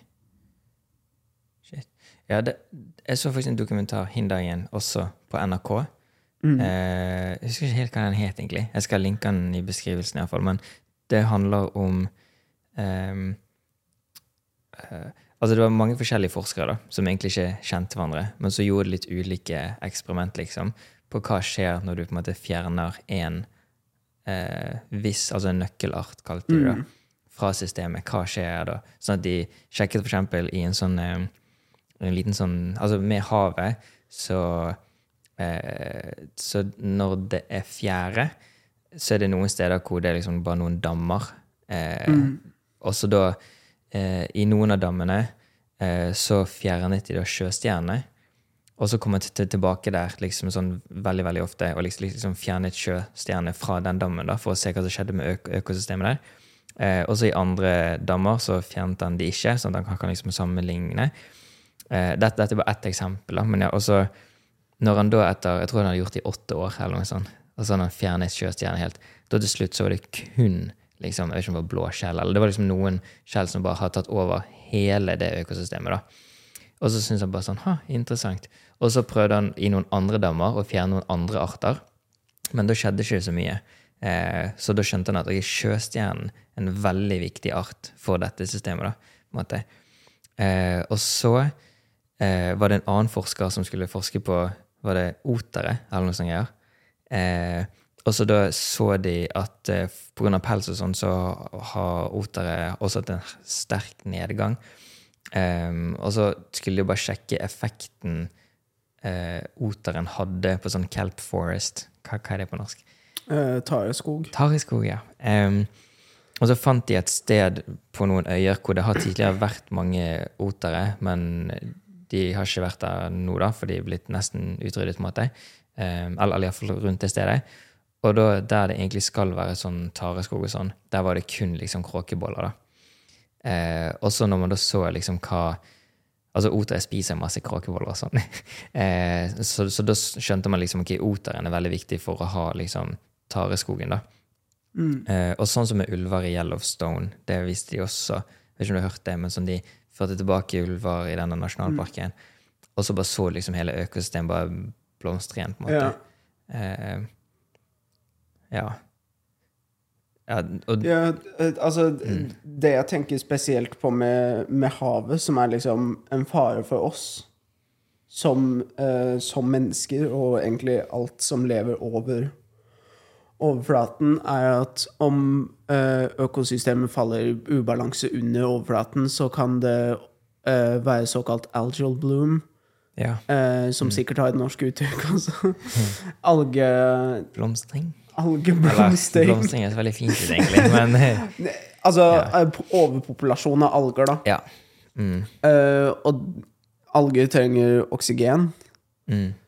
uh, så da kan det bli for lite oksygen i, i havet, Ja. Uh, som fører til at flere arter dør ut. Mm. Eh, og da kan det hende at vi ikke får like mye oksygen fra havet heller. Eh, og det her er jo på en måte allerede et ganske utbredt problem. I Spania i fjor Nå ble det mye Spania. Men, men i Spania i fjor så var det en, en eh, strand, eller en, en hel bukt, der det bare starta å liksom fosse opp med tusenvis av døde fisker. Oi. Og så fant de ut at det var fordi Fordi uh, grisefarmene i Ja. området ikke hadde ordentlige reguleringer på liksom hvordan de skulle skulle bevare eh, avføring fra grisen og sånn. Riktig. Så det hadde bare gått rett ned i jordsmonnet, altså ut i havet. Ja. Uh, og det inneholder masse næring som alger liker. Uh, og da hadde algene overpopulert seg, og så hadde de tatt all oksygenen, så fisken egentlig bare drukna, da. Og så bare uh, hva, hva skal jeg si? Shit. Eh, bølga seg opp på land. Mm. Hm. Ja, det er ubalanse. Ja, det, Eh, eksempel. Ja. og det, det er også litt interessant at det er liksom sånn virkning eh, dyreindustri har på havet også. ja, veldig. Ja. Ah, det har jeg lyst til å lære mye mer om òg. Eller vet du litt om det? Eller? Nei, altså, det er en veldig interessant kobling, da. At man Ja. At det er jo liksom den ledende Ledende årsaken til eh, dødsoner i havet. Ja. At vi tilsetter så mye næring i vannet. Og det, og Mm. det er jo ikke dyreindustrien i, i Oslofjorden, men det er jo en tilsetting av næring som Ja. har totalt ødelagt Oslofjorden nå. Ja. Eh, fordi det er så mye liksom avfallsvann og sånne ting da, som går inn i, inn i havet. Ja. Ofte så tenker vi liksom sånn at det er fordi det er liksom toxic, eller liksom det er et ekkelt vann, men egentlig er det bare fordi det er så mye liksom råtne greier der som gir næring til algene. Mm. Som gjør da at algene overpopulerer seg og Sånn, ja. Ja. Heftig. Det, hvilke andre hjertesaker har du? Eller, eller hvilke mer high-fakta High-fakta? Hva fakta. Jo, det er, um, tilbake til det her med, med uh, fins attached-lovene, da. At man nå Ja. må uh, og, og det de gjør nå, er jo da å sende uh, finnene til Kina, og så selger de kjøttet til resten av verden. Eh, men det, nå har det vært en eh, votering, som det heter på, på fagspråket. Det har kanskje ikke vært en votering, det har vært en, eh, en eh, et borgerforslag Ja. Fra eh, borgere i EU, da, så det inkluderer ikke meg og deg. Nei. Men vi har fått eh, våre venner fra Sverige til å stemme. Ja. eh, de trengte en million underskrifter, for det er på en måte sånn som i Norge så har vi jo Min sak. Er det det Ja, heter? mm. Ja, eller er det Din sak? Min sak. Min sak. Ja.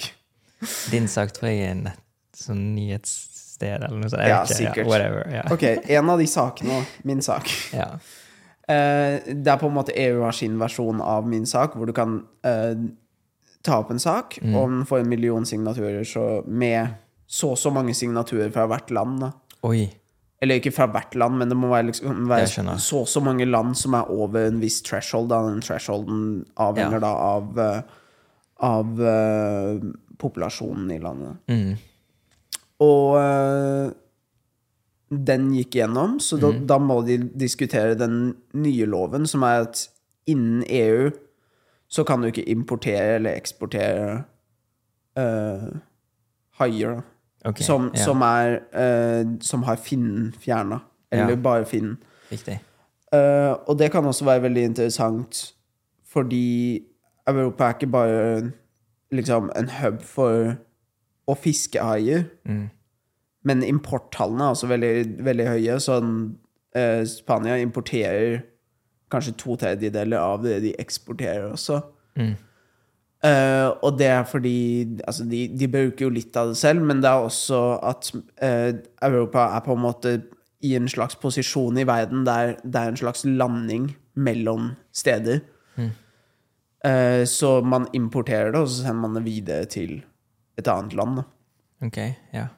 Eh, og om finne da må være festa til haien, så kan det være Kan det ha ganske katastrofale utfall for, for den industrien. Mm. Næringa. Ja.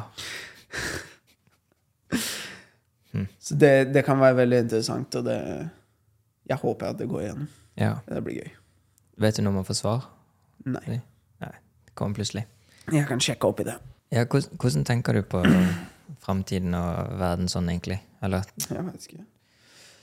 Eh, kjæresten min Sinta har jo starta å doomsday-preppe. Hun er sånn der Oi, har dere? Eller hun? Ja. Nei, hun, hun er veldig seriøs om det. Hun starter Ja. liksom sånn der Ja, kan vi starte å kjøpe mer boksebønner som vi ikke spiser, som vi bare har i tilfelle?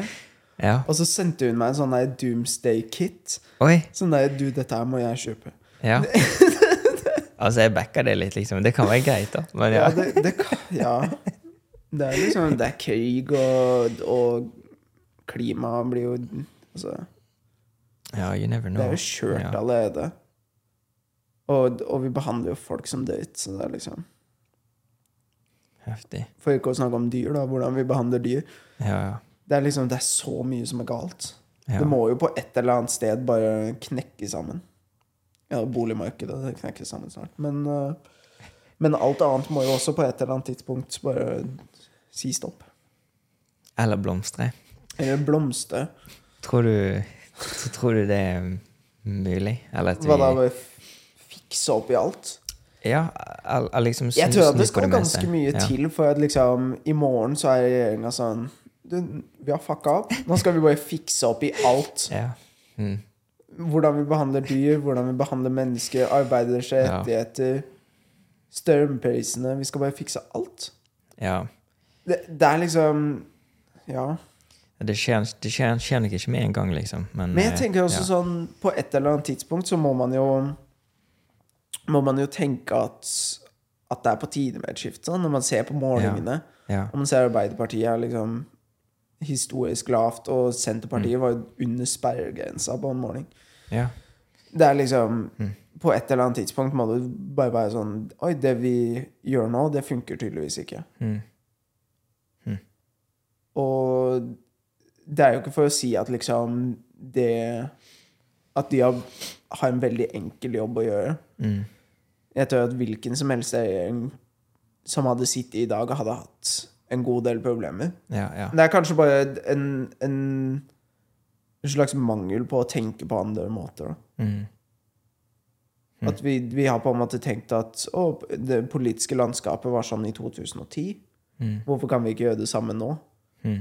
Og kjøre den samme politikken og alt sammen? Men det er liksom så mange nye ting som man må forholde seg til. Mm. Som industri i u- uberørt natur, for eksempel. Mm. Sånn som uh, dypthavs gauvedrift. Gruvedriftsforbund, ja. Ja. Tar du mikrofonen litt nærmere? Ta den litt nærmere. Jeg- Sånn litt, jeg satte meg- litt. Ja. Jeg satte meg litt langt bak. Same. Det er chill. Perfekt. Nice. Ja, eh, og, og jeg tror at det er kanskje en av grunnene til at Senterpartiet gjorde det så bra nå sist. Eh, fordi de hadde veldig mye sånn meninger om, om ting som som man generelt bare ser på som ugreit. Altså nedbygging av natur og nedbygging Ja. av matjord, og at det er helt forferdelig å bo i distriktene, det er kjempedyrt, sånne ting. Ja, ja. Det er liksom sånn når man hører at liksom, å, vi skal ordne opp i det, Mm. eh, så blir man veldig tiltrukket til å stemme det, og så Mm. innser man at den politikken de har ført før, Mm. er kanskje ikke like aktuell nå lenger. Sånn, ja. Ok, Så de har skiftet litt, liksom, føler du? Det, Nei, jeg føler at de ikke har Oi, At de ikke har skiftet? Ja, Ja. Ok. at partiene på en måte så De sitter så fast i i hvordan de alltid har tenkt at verden skal være. Riktig. Ja, det, jeg har også dritlyst eh, Jeg tror jeg kommer til å gjøre det etter hvert. Eh, nå blir det litt mer komfortabel med dette podcast-greiene. Men sånn og jeg inviterer liksom folk som har skikkelig motsatt mening av det jeg har akkurat nå, da. Å, ja, ja, ja. Liksom Trodde du mente at du skulle finne to folk som hadde motstridende meninger, og så bare sitte og beefe med dem? Ja, det har jeg også tenkt, men eh, i så fall over en samtale. Helst ikke en debatt, liksom. Men eh, ja, det kunne også vært noe. Ja. Men for liksom virkelig forstå, litt, litt sånn som når du snakket om når du var på Færøyene og liksom connected virkelig med menneskene. på en måte. Ja. Jeg, jeg har lyst til å ha sånne gode forhold med folk som også har motsatte meninger. Ja. på en måte. Um, ja, vet ikke. Har du noen tanker rundt det, eller tips til uh, Altså, det blir litt annerledes. Jeg vet, jeg vet ikke om jeg klarer altså, Nå kjenner Ja. vi hverandre veldig godt, altså vi chiller jo maks i sofaen nå, men. Men det, det er også Det er også et eller annet med hvordan vi kommuniserer sånn ellers i samfunnet. ja. Og jeg tenkte på dette her når jeg så på den der stortingsserien på NRK. Ja. Eh, at på en måte eh, Når man ser på hva de gjør i liksom, debatter, og hva de gjør online, og hva de skriver og sånn, så er det liksom sånn Å, de gjør dette her feil, og de, de er så dumme, og, og alt er dems skyld, og, og så er det liksom På debattene så er det sånn Ja, men dere mener dette her, det her er kjempedårlig. Mhm. Men så liksom når du ser hvordan de behandler hverandre in person, så er det liksom sånn Representant for Rødt, representant for Frp, de bare sitter ved siden av hverandre, og så er det sånn Hei, ja, hvordan justerer jeg på stolene? De er liksom bare helt vanlige, hyggelige folk. Sånn, ja. ja. Det er sånn de Fint. Når man ikke tenker så mye på de motstridende meningene, så er det liksom Man kan ha et greit forhold til hvem som helst, da, føler jeg. Ja, det er det. Ja, kanskje ikke hvem som helst, men Nei, men ja. Men uh, om, om begge parter er på en måte seriøse i, i sånn de behandler hverandre, da. Mm. Og mye av dette er også online. Så har man et visst forhold, og så in person så har man, har man et annet. Ja. Uh, fordi sånn Når jeg var på Færøyene, så var det Det er en sånn hatgruppe. Der de liksom finner ut liksom hvor jeg er, og så tar de bilder av meg og lager liksom memes med stygge ting og sånn. ja. uh, og så møter jeg noen av de in person, og de, de bare sånn Hei, hei, morgen. Det er liksom Det er helt greit, liksom. Ja, riktig. Eh, Ja, men jeg ser den. ja. Det er, det er et eller annet med at når man, når man ikke er på en måte in person, så føler jeg at det er et eller annet i, i hjernen vår som bare klikker og gjør at ting er annerledes, da. Det er som en lysbøyte. Mm. Nå er jeg med denne personen, nå er jeg ikke med denne personen. Ja. Og, og man ser jo det i kommentarfeltet også. Det er jo ingen som in person ville sagt til noen fra Færøyene at 'jeg håper at en tsunami treffer øya'. liksom. ja. Jeg lurer på hvordan, hvordan er liksom hverdagen din nå, egentlig? Og hva, liksom, hva jobber du med nå, og hva er planene dine framover? Ja. Mr. Sydney. Akkurat nå så har jeg en backlog med så mye arbeid. Det er helt sjukt. En lang to do-list, liksom? Ja, ja, ja. Ja. Uh, jeg hadde egentlig allerede ganske mye å gjøre, og så i går så bøyde domenene mine sammen. Oi. Sånn, jeg måtte liksom fylle inn alt på nytt, og så var Ja. det liksom noen greier som Ja, noen, bare sånn teknisk nerdgreier som er sånn Det må rettes der, og sånne ting. Riktig. Uh, så, og det, det er jo liksom ganske kritisk, fordi du har jo lyst til å få mailer. Ja, ja, ja. ja. så, så jeg bare Jeg bare satt og stressa med det. Og så bare måtte jeg si fra meg alt annet arbeid. Uh, og så bare bøyte jeg sammen og bare Gutta. De arbeidsoppgavene her er ikke verdt tida mi. Mm. Jeg blir så jævlig frustrert av de. Ta over dette her, ta over dette her, ta over dette her. Eh, men så er det jo også sånn kreative oppgaver da, som, som ingen andre kan gjøre sånn som deg. Mm. Uh, det jeg gjør nå, er jo blant annet å dra på arrangement og ta bilder. Demonstrasjoner og sånne ting. Ja. Uh, og det tar jo litt redigeringsarbeid i etterkant også. Mm. Så jeg har en del av det jeg må gjøre. Og så starter jo ulvejakta snart. Ja, Mm. riktig. Eh, vi har litt lyst til å jobbe med en dokumentar Ja, eh, ja, om akkurat det der. bra. Mm. Eh, og så har jeg også lyst til å bare eh, dokumentere sånn fotojournalistisk. Riktig. Eh, og prøve å, prøve å skape et bånd med pressen. Da. Mm. Jeg føler at journalister er, er litt late folk. Det har jeg hørt journalister si også. At journalister er late folk som egentlig ikke har lyst til å gjøre så mye arbeid sjøl. Mm. Så om du sender bildene og nyhetsoppdateringene til de, så det er de heller bare skriver om det enn enn, eh, å faktisk dra ut og gjøre Sånn, noe sjøl. ja. Skape terskelen. kan vi touche på det bare sånn ninjaraskt, by the way? Bare sånn, jeg, jeg kommer til å ha en episode som nesten kun handler om liksom, å ta vare på våre rovdyr og ulv og sånn. Men bare sånn rask status. Eh, for det Ja. Ja, altså, vi veit jo ikke helt hvor mange no uh, ulver det er i Norge. Nei, men sånn Eh, cirka. Jeg tror at det er sånn fra 60 til litt over 100 eller noe. Kanskje okay. litt over 200. Ja. Men vi, vi har 33 som er på en måte bekrefta og merka, som vi veit okay. at eksisterer. Men det, okay. det finnes selvfølgelig mer enn bare de vi veit om. Ok. Ja. Eh, sånn er det jo med det meste i verden. Ja. Ja. Ja. Uh, og så skal de ta ut 14 nå, Ja. i desember. Mhm. Denne episoden er filma i desember. ja. uh, og så skal de ta ut 26 i, i jakta, da, som starter 1. desember. Altså det de, det de gjorde i fjor, var jo også å legge til et ekstraordinært uttak som lot de ta ut enda flere. Okay. Uh, men Sånn, ja. ja, så lenge de ikke gjør det, så tror jeg at de skal ta ut 40. Og så er det kun 33 bekrefter det. Så liksom selvfølgelig Ja, men, men det er liksom Det er jo veldig god grunn til å tro at det er flere. Ok, ja. Litt flere, ikke mange flere. Ja, det er, ikke- ja, det er ikke, det er ikke nullvisjonpolitikk, liksom. Nei. Det høres ut som det. Ja, når man sier 33 bekrefta, og, og man tar 40 totalt, da høres det litt ut som det. True. Heftig. Men uh, Ok, Så du skal være med litt på Eller du kommer til å jobbe litt med det? ja. Ja. Jeg, jeg liker liksom den journalistdelen, og liksom Jeg har veldig respekt for mange sånne journalister som graver veldig dypt i sakene sine. Mm, mm. Åh, Nå kommer jeg akkurat på hvor mye jeg har å si om media. Ja. de, de kan, Du bare skal vi runde av dette her, og så bare nei, jeg er med. Eh, Ja. la, la oss touche litt på det. Så, Ja. så um, det er noen utvalgte, veldig dyktige journalister. ja.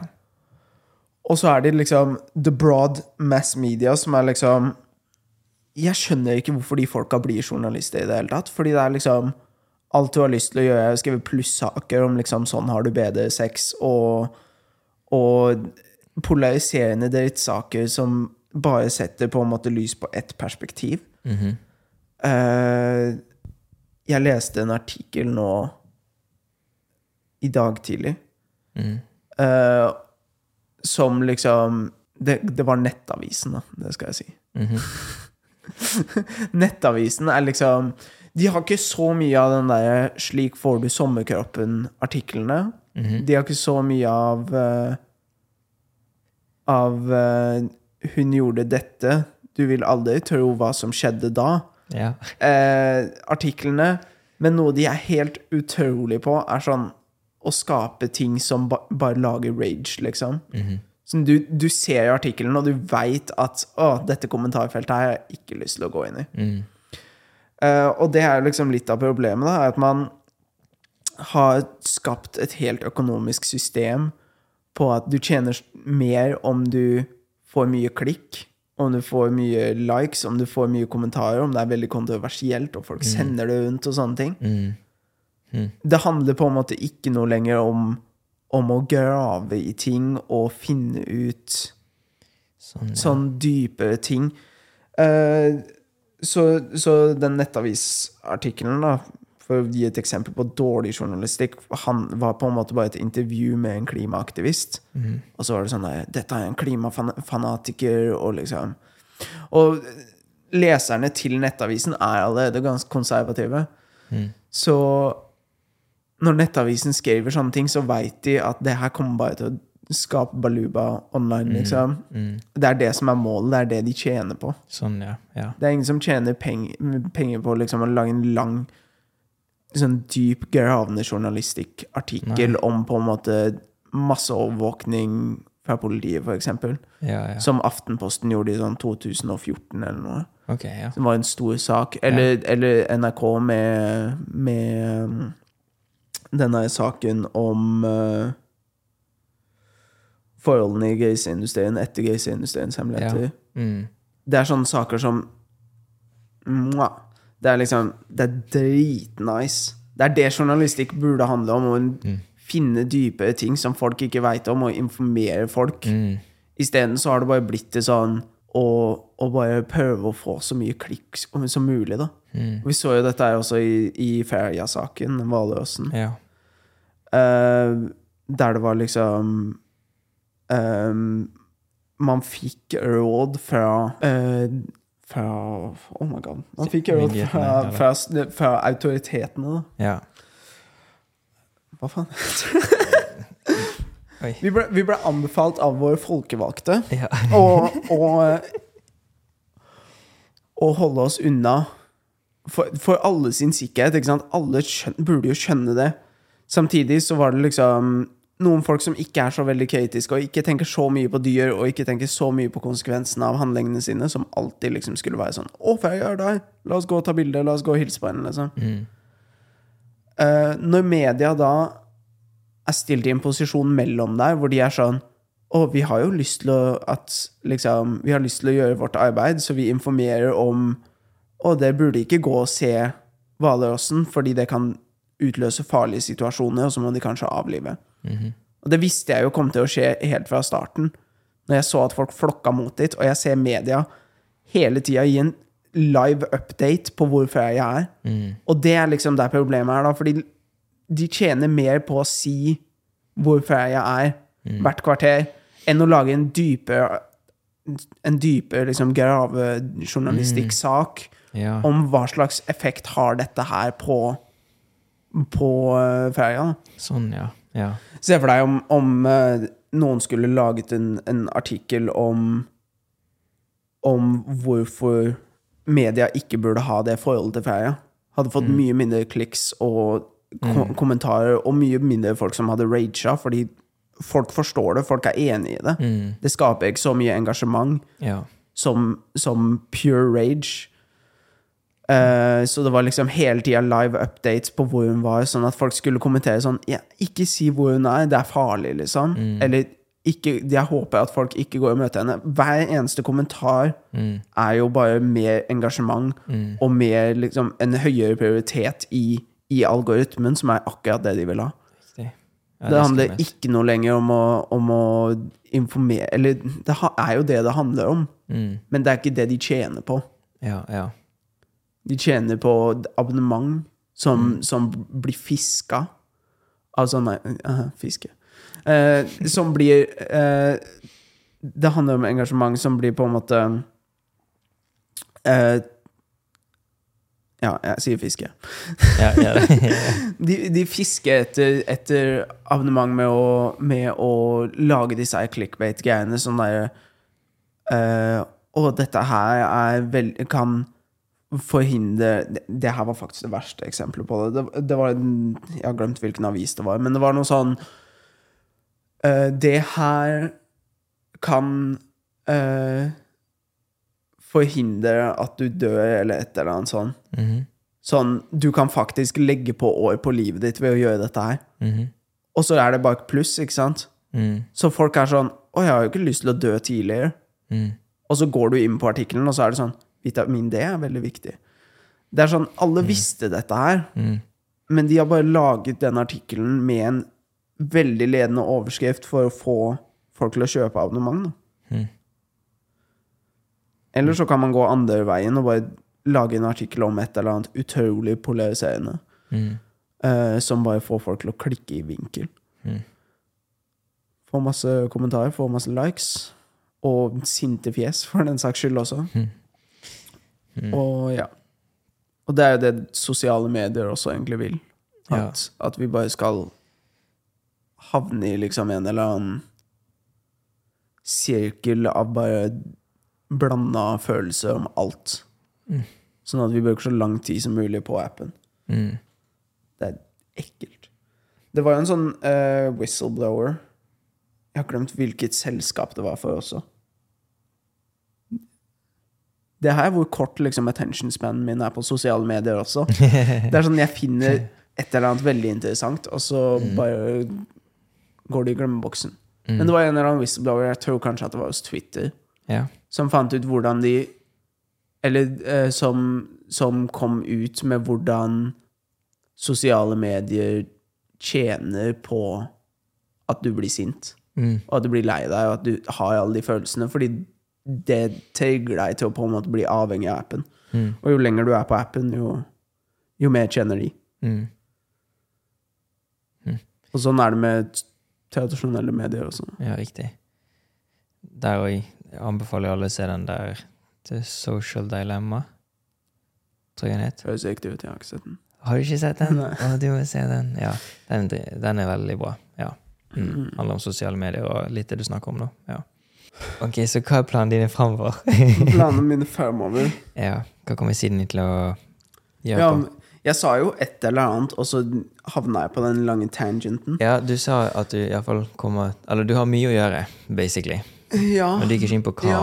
Og så er det ulvejakta, og så ja. når Ja.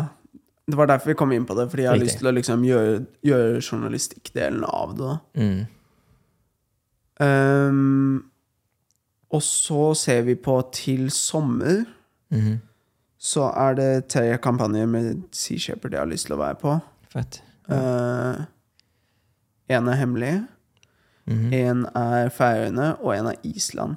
Eh, Ok. Neste år er jo siste år Island driver med hvalfangst, så jeg har vel Ja. lyst til å se hvordan det foregår. Wow. Fordi jeg vil tro at det er noe av det samme som de gjør i Norge. Ja, ok, sånn, ja. ja. Ja. Altså bare sånn, for folk som ikke vet, så Island kommer til å slutte med hvalfangst til neste år. Altså neste år er Ja, siste neste år. er siste år. Wow, nydelig. De har, de har slutta å dele ut uh, lisenser. Riktig. Ja. ja. Men han som driver, med det, Christian Lofsen, han uh, er overbevist om at han kommer til å få nye. Så Sånn, ja. Okay, Ja. Det er ingen som tror på han. Nei, jeg håper det stemmer, så ja. Ja, det er, det er et godt eksempel på at turistnæringa bare har tatt over for, for hvalfangsten. Mm. Okay, De tjener så mye mer. Nice. Ja, bra. Så det er, det er kjempekult. Mm. Det er et godt alternativ. Um, ja. Og, og da har jeg jo egentlig fylt kalenderen fram til neste vinter igjen, da. Oi, ja. Uh, det som er litt kjipt med det, er at jeg alltid har hatt en derm om å om å skaffe en sånn interrail-ticket, Ja. og så besøke hver eneste uh, haifiskbøyge i hele Europa. Oi, ja. Og dokumentere. Det hadde vært så kult. Men eh, det skjer tydeligvis ikke med det første, da. Nei. Kanskje 2025. Ja. Kanskje, kanskje neste vinter. Ja, ok. Vi Ja. får se. Hmm. Men så er det jo ulvejakt igjen, ikke sant. Så sånn, man, man kan ikke vinne. Det er det. Mm. Man må prioritere, ja. Ja. Har du noen eh, siste tanker eller noe på hjertet du ønsker å dele? Og er dette sånn der Har du sett uh, Hot Ones? Nei. Det er, det er et sånn intervjuprogram der de har kjendiser, Ja. og så sitter de og så spiser de kyllingvinger. Jo, det har jeg sett. Ja, og så blir det ja, ja. mer og mer spicy. Og så når de er på ja. maks heat, så er den sånn You got anything you want to say to the camera? ja. Og så Ja, kan du liksom bare pitche hva du vil. Nei, sånn, ja. Ja. Altså, det er nesten det. Altså, jeg, jeg, jeg har faktisk vurdert Jeg har gått fram og tilbake på om jeg vil stille et sånt spørsmål, for noen av de favorittpodkastene jeg ser på, de gjør ikke det. De sier bare sånn plutselig bare sånn 'Tusen takk, det var veldig hyggelig'. Men jeg føler at eh, Jeg vil jo veldig høre Ja, hva du veldig sånn- tenker, liksom. Ja, men det er også sånn veldig, veldig uh, rar måte å avslutte det på, da. Som om det er liksom sånn, sånn to minutter intervju, liksom. Jeg føler at jeg har gitt mer enn to minutter til dette her nå. Veldig. Ja, men det kan jo hende du Eller fall, For jeg vet sjøl, når jeg blir intervjuet, eller jeg er på podkast og sånn, så er det ofte jeg har noen tanker som bare ligger litt der, men som jeg ikke helt liksom ja, Det passer ikke nå. Så da vil jeg liksom gi det siste spacet til enten å bare si Ja. Altså en, enten det, det varierer veldig. Folk pleier enten bare å si yes, eh, liksom, tusen takk, eh, eller så går de på en sånn skikkelig rant, eller liksom Ja, så jeg er alltid litt spent. Men samtidig så de som ser på og hører på, hver gang jeg sier det, så er jeg litt redd for at da folk begynner å gjøre seg klar til sånn Ok, da er han snart ferdig. Og så er han ofte ikke det. Men ja. Kommer med en sånn bam helt til slutten der. Ja, det er det. Ja. Husk 50 treat. på slutten. her, da, sånn, ja. En special treat for liksom eh, de som har sittet her lenge. Det er det. Kunne hatt sånn favorite meme eller noe sånt. Men ja. Favorite meme, du vet jo, jo hvor du finner de beste memesene. Well saving meme. Var det det du Det er så gøy. Ah, vil, okay, ja. Uh, ja. Jeg, jeg har noen uh, Mm. hmm, Om jeg kan pitche én ting. Mens du tenker, så Sydney startet en meme-page som heter World Saving Meme. Så jeg skal linke den i beskrivelsen òg. Den er vel fortsatt Mm. åpen. Den er ikke aktiv akkurat nå, tipper jeg, men Nei, det, jeg har ikke posta er- der på sånn to år. damn. Ja, det var Men, men det er mye gode memes der, da. det er det. Det er tidlig. Ja. Så sjekk det ut hvis man vil. Um, altså, jeg, jeg har jo mitt Mitt nyeste verk Ja. er jo, er jo et eh, verk av veganpropaganda. ja. Uh, som er litt funny, som du finner på hundekjøtt.no. Oi, er det live nå? Ja. Ok, heftig. Okay. Så kan vi tease litt med det, da, kanskje. Ja.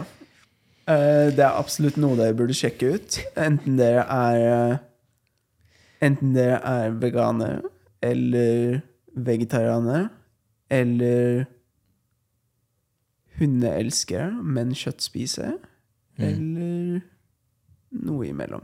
Mm. Kanskje om dere ikke er glad i hunder, kanskje dere ikke skal sjekke den ut. Plutselig er det noen som blir skikkelig gira, liksom. nei. Ja. Uff. Ja. Ja, det var gøy. Det var, det var noen som bare sa sånn Nei, vi skal ikke lage dette her, liksom. Og jeg bare Mm. Ok. Let's do it. Ja, så, sånn at vi er liksom en, en gjeng som, som driver opprettholder det monsteret. Hundekjøtt.no. Shit. Ja, folk kan sjekke ut det og se hva det er. Ja. Ja. Mm. Eller så finner dere meg på Instagram og Facebook. Det kan du vel lenke på en eller annen måte. Oh yeah. Eller så er det nettsida mi thepelagiccollective.org. Fett. Alt det vil man finne i beskrivelsen. Og inkluderende en patron. Hvis noen har lyst til å støtte Ja, arbeidet ditt, så Det er jo det viktigste. linker jeg det også. Ja, link, link Patreon også. Mm. Ok. Ok, Tusen takk. bare hyggelig. All right. Så det var da andre episode med Sidney Haugen. Tusen takk som eh, hørte på. Jeg kommer til å linke liksom alt vi snakket om sånn i beskrivelsen, så det er bare å sjekke det ut. Igjen, hvis du har hatt tilbakemeldinger på episoden, eh, på samtalen på dette prosjektet, eller hvis du har kanskje temaer eller gjester du vil jeg skal snakke med, veldig gjerne gi meg en lyd. Setter veldig stor pris på det. Um, ja. Så håper du får en nydelig dag videre. Ja.